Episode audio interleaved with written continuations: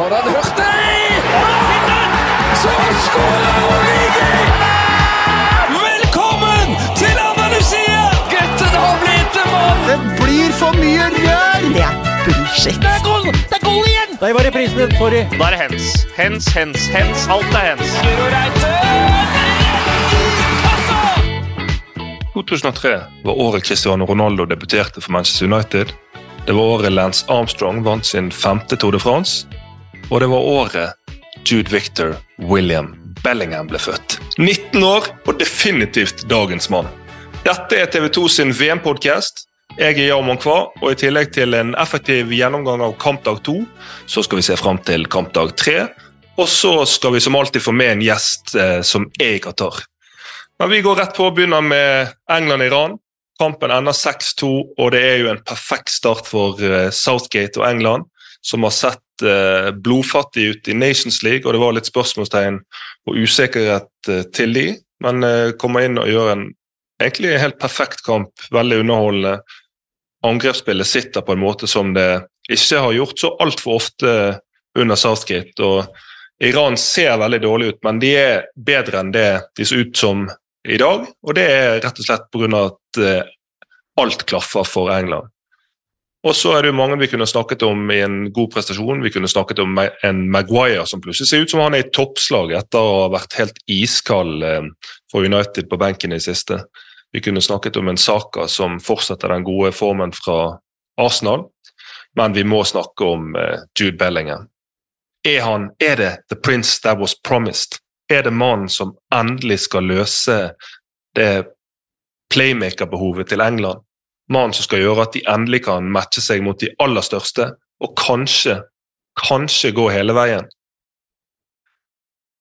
Så var det jo selvfølgelig eh, Dette VM her, det er jo mye politikk, og det er det òg helt ut på banen.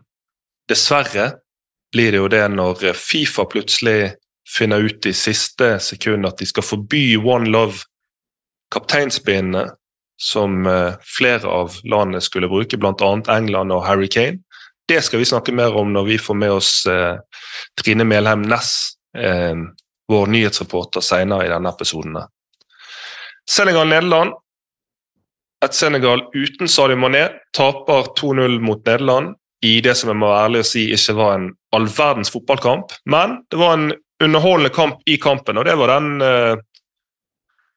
kampen i kampen mellom Ismail Azar og Mateis de Ligt.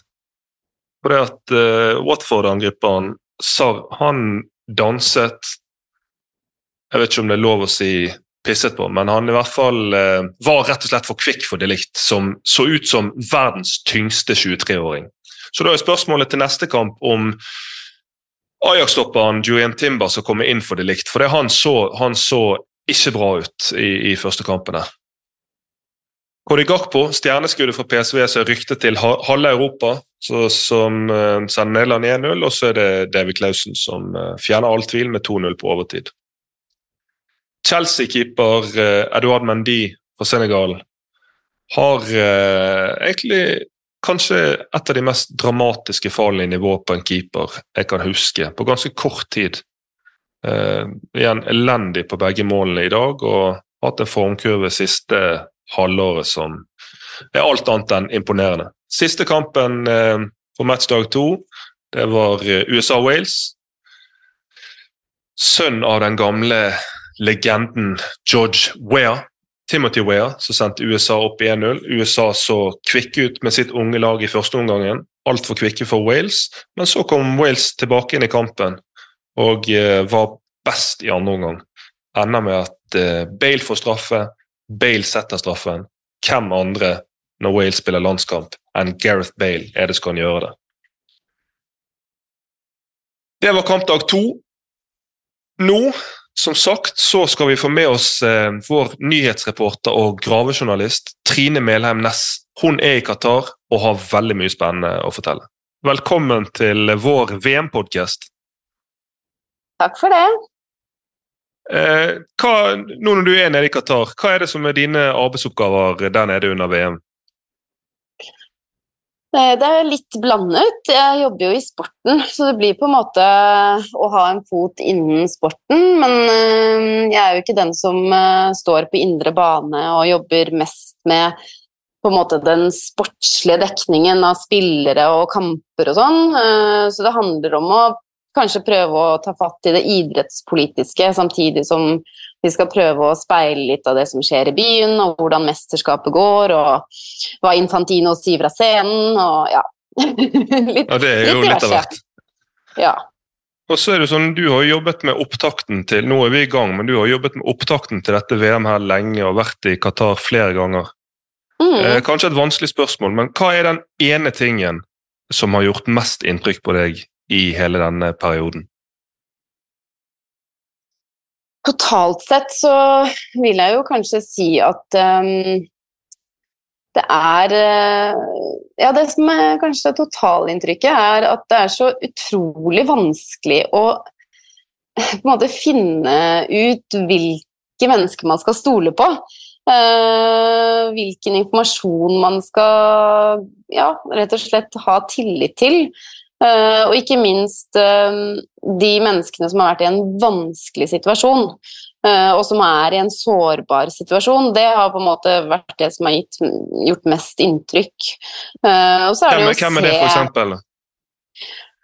Nei, det gjorde sterkt inntrykk å snakke med mm, broren til Abdullah Ibhais, han som nå sitter i fengsel. Han var jo tidligere mediasjef for IVM-komiteen. Eh, Det gjorde veldig inntrykk. Eh, Qatar-varsleren Fidra Al-Majid. eh, Jeg snakket med en tidligere migrantarbeider som fortalte hvor utrolig tøft det var å jobbe i over- over 40 graders varme. Fikk ikke lov til å skifte jobb, klarte ikke å komme seg hjem. Så de historiene sitter jo veldig sterkt. Eh, Og så har jeg også møtt migrantarbeidere som, som har det helt fint. Eh, Migrantarbeidere som har fått et nytt liv her i Qatar og er, er veldig fornøyde. Så det er jo klart, det er jo mange nyanser. eh, Men eh, ja, jeg tror nok at eh, akkurat de historiene der har gjort veldig stort inntrykk, fordi jeg sjøl er veldig opptatt av fotball og glad i fotball. Mm. Og derfor så syns jeg det er på en måte vanskelig å skulle se bort ifra da, de historiene når man skal eh, dekke et VM. Men dere fløy jo inn eh, Fidra Majid, eh, varsleren, til Bergen. Mm. Og hun hadde jo mye altså Det er jo eksplosivt mat materie, det hun forteller om. Eh, Mm. Den saken ligger ute for de som har lyst til å lese den. kan anbefale på det aller sterkeste. Hvordan, Når du er med på å, å skrive disse gode, men eksplosive sakene rett opp mot eh, VM, og så skal du ned der til Qatar sjøl, har du, har du følt noe på det? Jeg følte på det i forkant, øh, og vet jo at dette ikke er historier som øh, myndighetene eller VM-komiteen er veldig fornøyd med. Det ga de jo veldig klart uttrykk for i e-postene de sendte til oss også. Men Ja, hva skrev de der, da? Nei, det var sånn øh, Vi ber dere om å tenke dere om før dere publiserer dette rett før VM. Um, og at de um, de venter på en måte litt sånn i siste liten for å bruke den tilsvarsretten, f.eks., noe som jeg tenker er viktig i en sak for å nettopp belyse flere sider av en sak, da, og som jo er en veldig stor del av presseetikken. Um, som, som gjør at det blir vanskelige vurderinger for, for oss som har deadliner å forholde oss til, osv. Men de, de, Um, mail, de mailene du fikk der, er det sånn du oppfatter, oppfatter det nesten som en trussel? Det høres jo nesten litt sånn ut. Um, ja, hva skal man kalle det? Kanskje ikke en direkte trussel, men, eh, men mer sånn uh, vi, vi vet eh, hvem dere er, og vi følger med på hva dere skriver. Det, det vet eh, vi jo fra før. Eh, Blant annet vet jeg det gjennom samtaler som jeg har hatt med broren til han som sitter i fengsel, fordi han var jo mediesjef, og han hadde lister over kritiske journalister. Han hadde, han hadde de rangert. Så, så vi vet, og vi vet det fra andre kilder også, at de følger veldig godt med på hva som skrives i, i vestlig presse, noe som jo kanskje også Infantino gjorde et lite poeng av da, fra talerstolen. Um, så, men men jeg, når jeg har vært her nede nå, så har jeg fått veldig lite anledning til å være så veldig mye andre steder enn i fansonene og i byen og på hotellet og på treningskamp Eller ikke treningskamp, men trenings... Um, uh, altså når lagene trener, da. Mm. Um, så, så, jeg har ikke fått vært så veldig mye andre steder og har derfor vært i veldig sånn beskyttede situasjoner. Uh, så jeg har ikke følt at jeg har vært i noen risikable situasjoner. Jeg har liksom ikke opplevd at jeg må se meg over skulderen. da. Nei. Men når du, når du er på disse fansonene, er det, er det kok, eller sånn som vi sier i Bergen, eller er det Hvordan er stemningen der på de?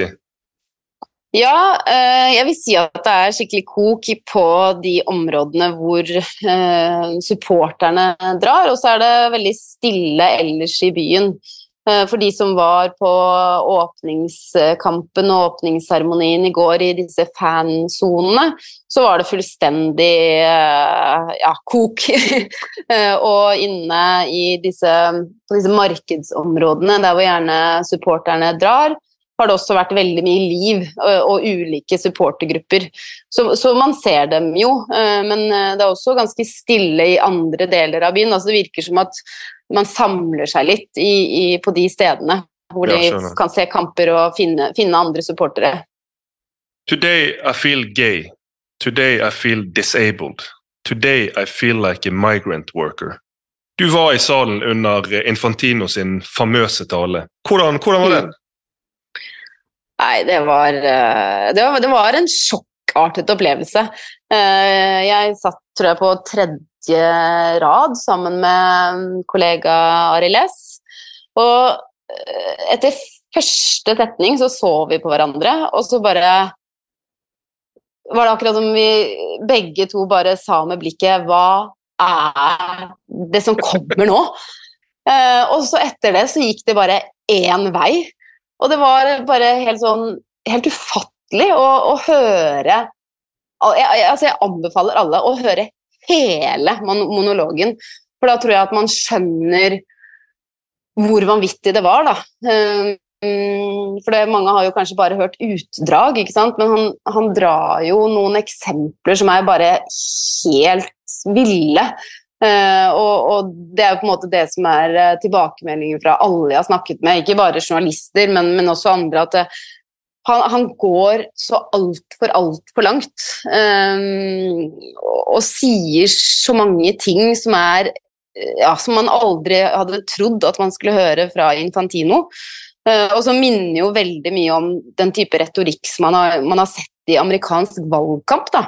Mm. Um, som det var, det var skremmende, rett og slett. Jeg føler nesten den talen er litt sånn som når du står og synger i dusjen, og så føles eh, Tror sjøl at du høres ut som en popstjerne, og så når du skal fremføre, så høres det helt forferdelig ut. ja, Men, altså eh, det Ja, nei, det, jeg, jeg, tenker at eh, Lise Klavne sin tale huskes jo og, og kommer til å bli husket i, i, mange, mange år. Uh, og, og, det samme kommer Infantinos tale til å, å bli gjort, da, men for helt andre årsaker. Eh, og det som er liksom påfallende, er at han har jo vært helt stille, og det sa han jo selv. Ja, det har vært stille fra meg, jeg har stått på sidelinjen og observert. Eh, men jeg tror nok at litt av grunnen til at det, det kommer så utrolig tydelige signaler fra både han og Fifa nå, er at han vet at han kommer til å gjenvelges. Han vet at han har støtte. Uh, og da bare kjører han på, og det som er også responsen og, og reaksjonene fra f.eks. Lise Klavenes, er jo det at det, det er jo faktisk flere fotballforbund um, som, som syns at dette her er helt strålende. Um, sånn at det, det, er klart at det er jo i hvert fall ikke en mindre splittet fotballverden da, etter dette. Ja, Apropos Klavenes, altså det var jo Infantino-talen var jo eh, tema overalt. Men så i dag eh, har jo temaet vært Eh, handlet mye om kapteinspinn. Og dette mm. regnbuekapteinspinnet som plutselig i siste time ble ja, regelrett forbudt av Fifa. Det ble truet med å gi gule kort, som gjorde mm. at eh, England, Danmark og flere av nasjonene rett og slett ikke turde å bruke det. Eh, du, mm. du, har snakket med Lise Klavenes om det her, og hva sier hun til det som skjer der nede?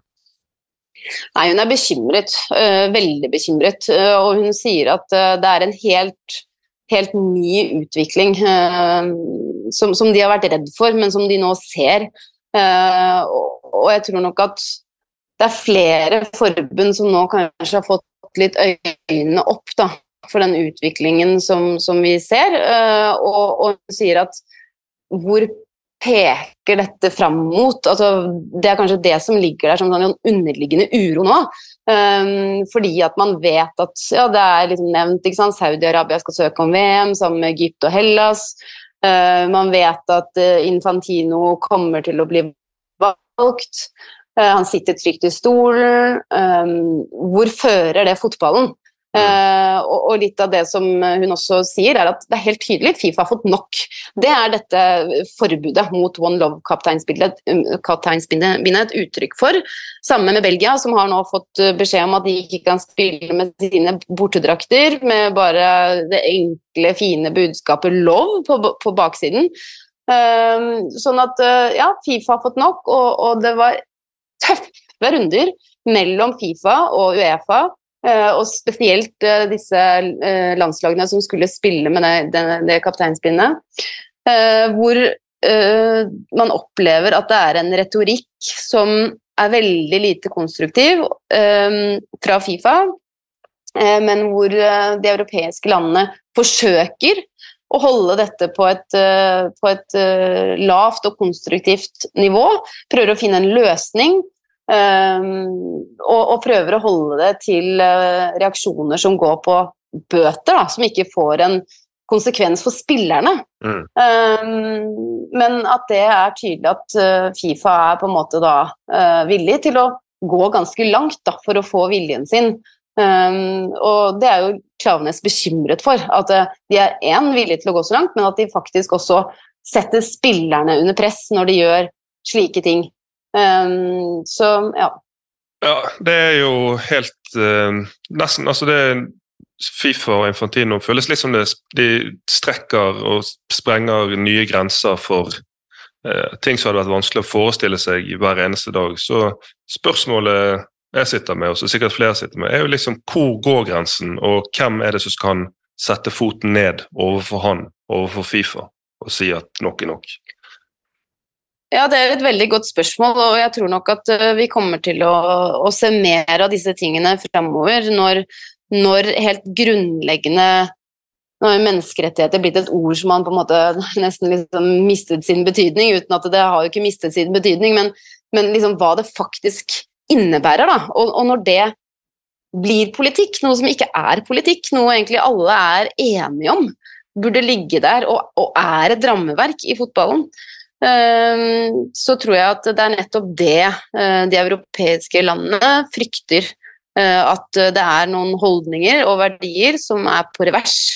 Eh, og hva betyr det? Ehm, mm. Altså, nå, nå er det jo f.eks. nevnt at ehm, under VM så skulle det være to ganske kjente Premier League-spillere som skulle komme, stå frem som homofile. Mm. Um, og jeg bare tenker meg hvordan det vil være for de. altså, det er jo faktisk, Vi er jo nede på et menneskelig nivå her også, selv om det er stor politikk. Um, så er det jo enkeltmennesker og enkeltskjebner det får en betydning for. Enten på en negativ måte eller en positiv måte. Og jeg tror nok at hadde Harry Kane kunne stått med, med One Love-kapteinspinnet i dag, så, så, hadde det hatt en enorm betydning for mange. Mm. Trine, tusen takk som var med. Det veldig, veldig, Jeg skulle ønske vi kunne ha, hatt mer tid. Det er veldig interessant å høre fra deg. og fra, Men vi skal ha flere av dere nyhetsreportere med her på podkasten for å høre om det som foregår utenfor banen. Så takk, og så ta vare på deg sjøl. Og så gleder, vi, jo, til, gleder vi oss til å høre mer fra, fra deg. Ja, hyggelig. Ha det godt. Ha det. Før vi avslutter, så må vi se fram til kampdag tre og for en meny vi egentlig har der. Fire kamper. Begynner da med Argentina-Saudi-Arabia. Og Argentina med en Lionel Messi som har sett sylskarp ut uh, i høst for PSG. Som har, brukt, uh, som har fått tid og anledning til å lade batteriene. Som kommer inn her med ett mål for øyet og skrive historie. Bli større enn Don Diego. Og skrive to svar under uh, tittelen som historiens uh, beste spiller, om han skulle klare å vinne VM med Argentina. Mexico-Polen. Danmark-Tunisia klokken to. Frankrike-Australia siste kampen. Frankrike med store skadeproblemer midten. Pogba, Kanté bl.a. ute. Og så selvfølgelig Benzema, som dessverre røk. Så um, Argentina-Saudi-Arabia på TV2. Danmark-Tunisia også på TV2. Og så kan du se Mexico-Polen og Frankrike-Australia på NRK. Det er kampene som kommer i morgen. Vi er tilbake inn i morgen òg, da selvfølgelig med ny gjest, for å hele veien være tettest mulig på det som skjer i og rundt VM i Qatar. Så skåler Origi! Velkommen til Andalusia! Gutten har blitt en mann! Det blir for mye rør! Det er bullshit. Det er Der var reprisen din. Sorry. Da er det hens. Hens, hens, hens. Alt er hens.